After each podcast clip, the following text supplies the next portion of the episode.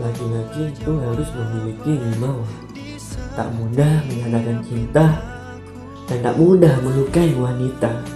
Perial rasa cukup disimpan dalam doa. Untuk apa mengenalnya jika tak didasari dengan takwa? Tak pandai menjaga mata, namun menginginkan wanita soleha. Apakah pantas memimpin keluarga? Hai laki-laki, Menundukkan pandangan itu solusi. Memperbaiki diri itu setiap hari. Menjaga hati itu sampai mati. Mencari pasangan hidup juga perlu introspeksi.